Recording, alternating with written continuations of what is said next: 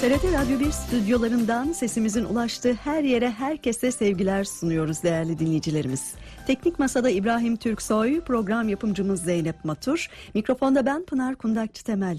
Hepinizi selamlıyoruz. Çocuğa dair programıyla yine karşınızdayız. Daha önce de belirttiğimiz gibi her cumartesi 10 haberleri sonrasındaki randevumuza geldik. Çocukla ilgili merak ettiğimiz her şeye cevap arayacağımızı, çocuk eğitimi konusunda bilmemiz gerekenleri, onlara sağlıklı ve etkili iletişimle yönelebilmek için üzerimize düşen görevleri öğrenmeye çalışacağımızı söyleyerek programımıza başlamıştık. Bu noktada çok değerli uzman konuklarımızdan yardım alıyoruz. Hemen bu haftaki konuğumuzu takdim edelim. Hepinizin yakından tanıdığı çok değerli bir isim. Üsküdar Üniversitesi Rektörü, psikiyatrist, Profesör Doktor Sayın Nevzat Tarhan hocamız telefon hattının diğer ucunda. Kıymetli hocam hoş geldiniz yayınımıza merhaba. Hoş bulduk. Teşekkür ederim. İyi yayınlar diliyorum. Çok teşekkür ediyoruz. Şimdi hocam sizin pek çok yerde dile getirdiğiniz ama bir kitabınızda özellikle işlediğiniz ana babalara çocuk yetiştirirken maddeler silsilesi halinde aktardığınız bir kurallar dizimi var. Çocuk yetiştirirken 20 tane madde çıkarmışsınız ki hepsi böyle birer pırlanta gibi ışıl ışıl karşımıza çıkıyor. Aile içi iletişim, çocuklarımızı yetiştirirken nelere dikkat etmeliyiz? Anne babalar çocuklara nasıl yaklaşmalı? Özünü, özetini dinleyicilerimizle paylaşmak istiyoruz. Nasıl doğdu öncelikle bu 20 maddelik sihirli formül? Sizden öğrenelim. Tabii bu 20 maddelik sihirli formül bir açıdan benim tecrübelerime dayanarak. Çünkü çocuk psikiyatrisinde bir klinikte sorunlu çocuklarla uğraşıyoruz. Evet. Ve %70-80 vakada çocuğu bir kenara koyup anne babayla uğraşıyoruz. Yani anne baba nasıl bir anne baba olsaydı bu çocuk hasta olmazdı. Sorusuna cevap ararken bu çıktı ortaya. Evet. Bu nedenle bizim de kültürümüze uygun bir sentez bu.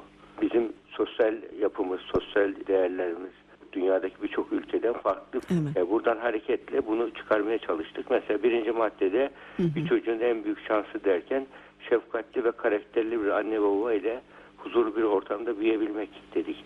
Şimdi bu birçok bağımlı hastası çocuklar görüyor. Madde bağımlılığı ya da OKB hastası birçok böyle. Çok bakıyoruz çocuk anne baba evde devamlı bir gerilim havası var.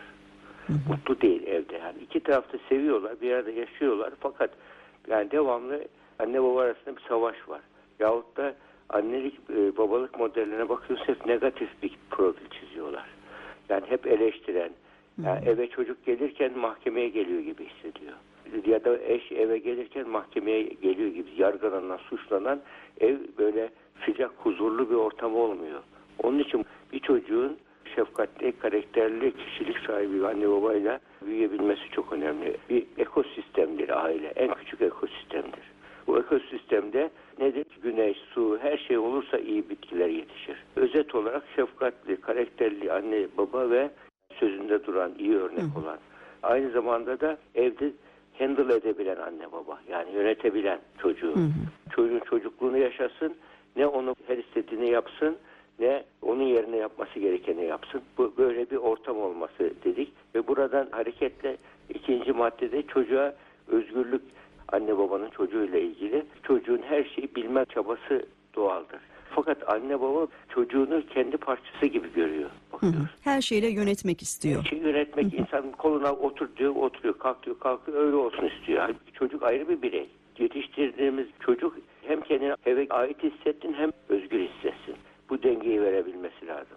Bu bilinçte annelik babalık olursa yani onun yapabileceği şeyleri çocuğa yapmak, onun yapamayacağı şeyleri annenin babanın müdahale etmesi. Ama çocuğun yapamayacağı ayakkabısını bağlamak gibi. Onun yapabileceği bırakın o yapsın. Bunu yapamıyor anne baba. Onun yerine yapıyor. Çocuk da böyle durumlarda özgürlükle birlikte evin küçük hükümdarı oluyor. Diğer bir maddede anne baba olarak hep ben saçımı süpürge yaptım, bir dediğini iki etmedim der. Fakat böyle bir çocuk yetişir ki çocuğun mutluluğu için kendi mutluluğunu feda eden mutsuz bir anne olursa çocuk mutlu olamaz ki. Bu nedenle kendisine de haksızlık yapmayacak anne baba. Çocuğun mutluluğuyla kendi mutluluğu arasında bir denge kurmayı başaracak. Tabii başarabilecek yani çocuğum mutlu olsun da ben ne olsam olayım dediği an verici oluyor ama yani o vericiliği çocuğun üzerine bir baskı unsuru haline geliyor. Farkında olmadan çocuğun üzerine bir hakimiyet kurma yöntemi olarak da kullanıyor. Ben sana her şeyi verdim, sen benim her dediğimi yapacaksın. Yoksa sevmem seni diyerek sevgiyi sopa gibi kullanıyor. Çocuk da böyle durumlarda sevildiği halde sevilmiyor gibi bir duyguyla büyüyor. Bu da sağlıklı değil. Diğer bir önemli üzerinde durulması gereken annenin babanın sorumluluğu çocukları güçlükten korumak değil her türlü güçlükten. Güçlükleri beraber aşmayı öğretmek gerekiyor. Onun yapması gerekeni anne baba yaparsa çocuk bir şey olsa her şeyi anne soruyor, her şeyi babaya soruyor, her şeyi başkasından bekliyor. Bir de dikkat edersen sadece anne demiyorum, anne baba diyor. Evet hocam ona özellikle dikkat çekmek istiyorum ama maalesef çok rastladığımız bir konu anneler sanki çocuk yetiştirmede en büyük üzerine yükü alması gereken bireylermiş gibi geliyor. Bizim toplumumuzda böyle bir algı var. Bunun da herhalde yanlış olduğunu vurgulamamız gerekiyor değil mi? 0-3 yaş arası annenin yerini tutamaz bir şey ama anne çocuk için sevgi kaynağıdır, baba da güven kaynağıdır. İkisi bir olması gerekiyor. Sadece sevgiyle olmuyor. Yani sevgi bir su gibidir. Güven duygusu da saygı duygusuyla birlikte olur. Kap gibidir. İkisi bir olacak. Belki anne kadar yakın olamıyor baba. Annelik hormonu var mesela. Babalık hormonu yok. Anne biyolojik doğası olarak çocuğa fazla ilgileniyor ve onun üzerine kalıyor çocuk. Evet. Bizim de geleneksel yapımızda ataerkil kültürde çocuğu anne oya gibi işler baba dışarı bakar gibi deniyor. Halbuki bir takımdır bu. Yani ikisi bir olacak muhakkak. Sadece anne de her şeyde dominant olamaz, baba da olamaz. Hocam şöyle bir yaklaşım var. Aman çocuğum evimizde en güzel düzeni görsün. Onu hiç hayal kırıklığına uğratmayalım. Zorlanmasın. işlerini kolaylaştıralım. Bu yaklaşım aslında çocuğun ileriki yaşamında son derece çocuğa zarar verdiğimiz noktalardan biri değil mi? Şu andaki bu Z kuşağının en zayıf tarafı bu.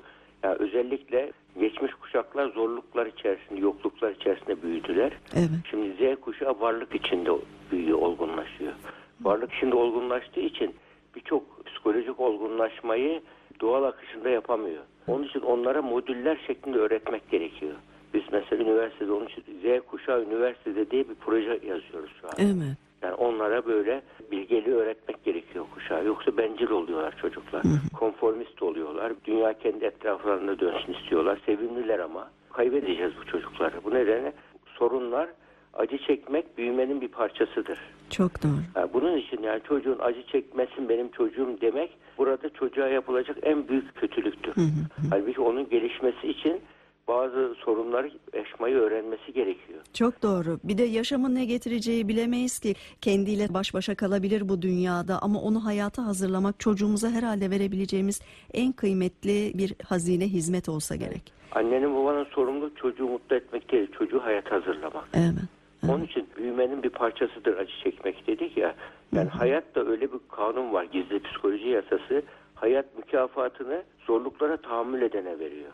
Öyle bir konu var. Tahammül etmezsen dayanıklılık eğitimi olarak veriyoruz biz bunu. Buna resilience deniyor. Sağlamlık eğitimi veriliyor.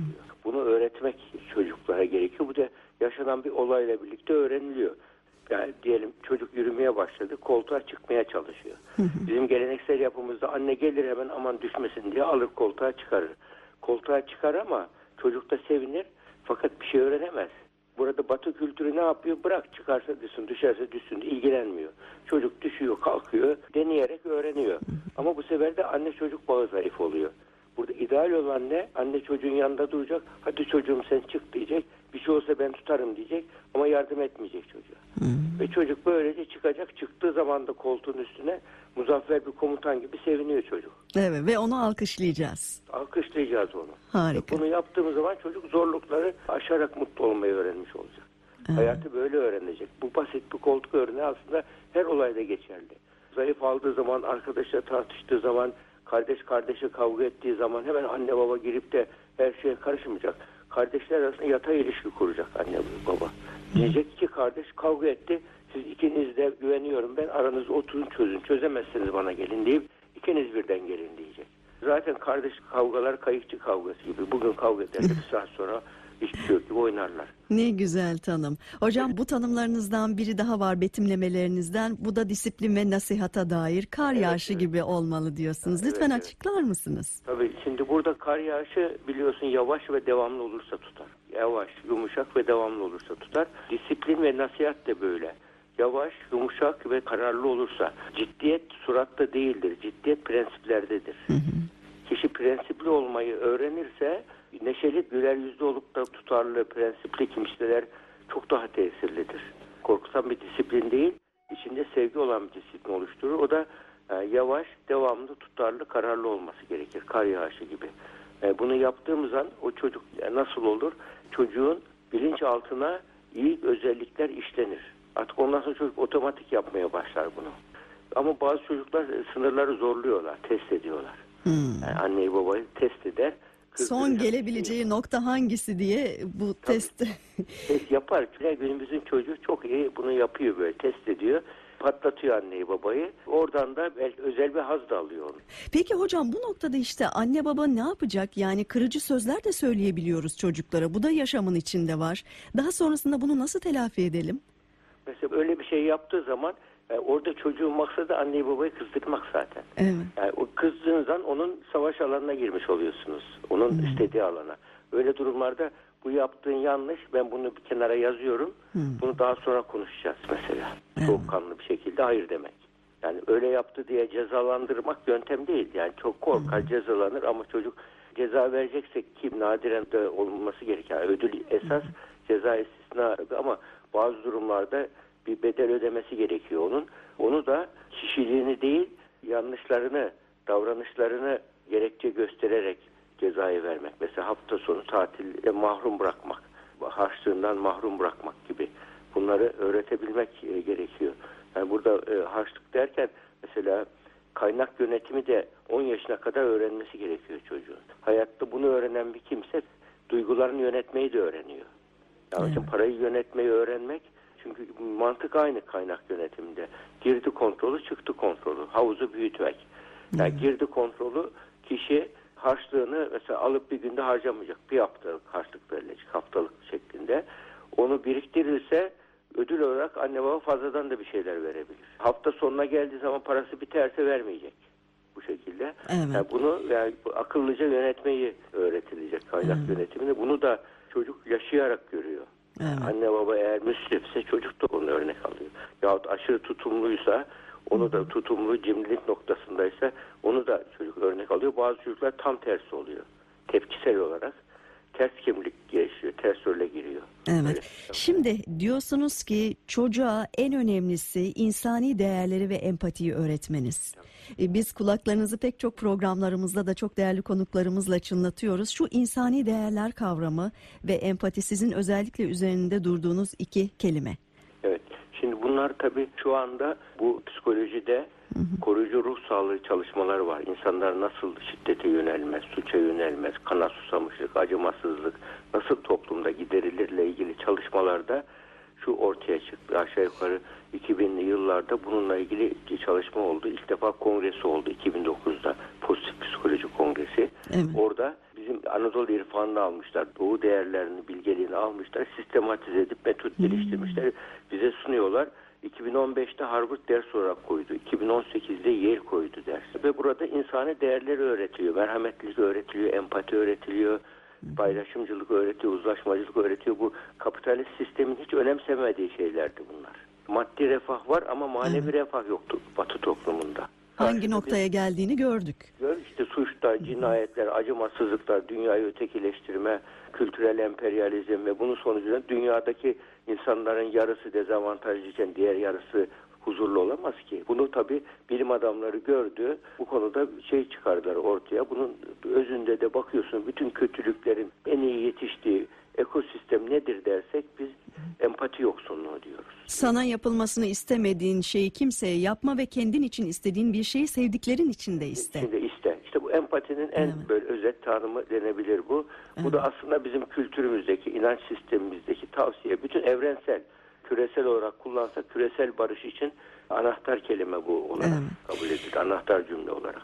Peki Nevzat Hocam biz çok teşekkür ediyoruz.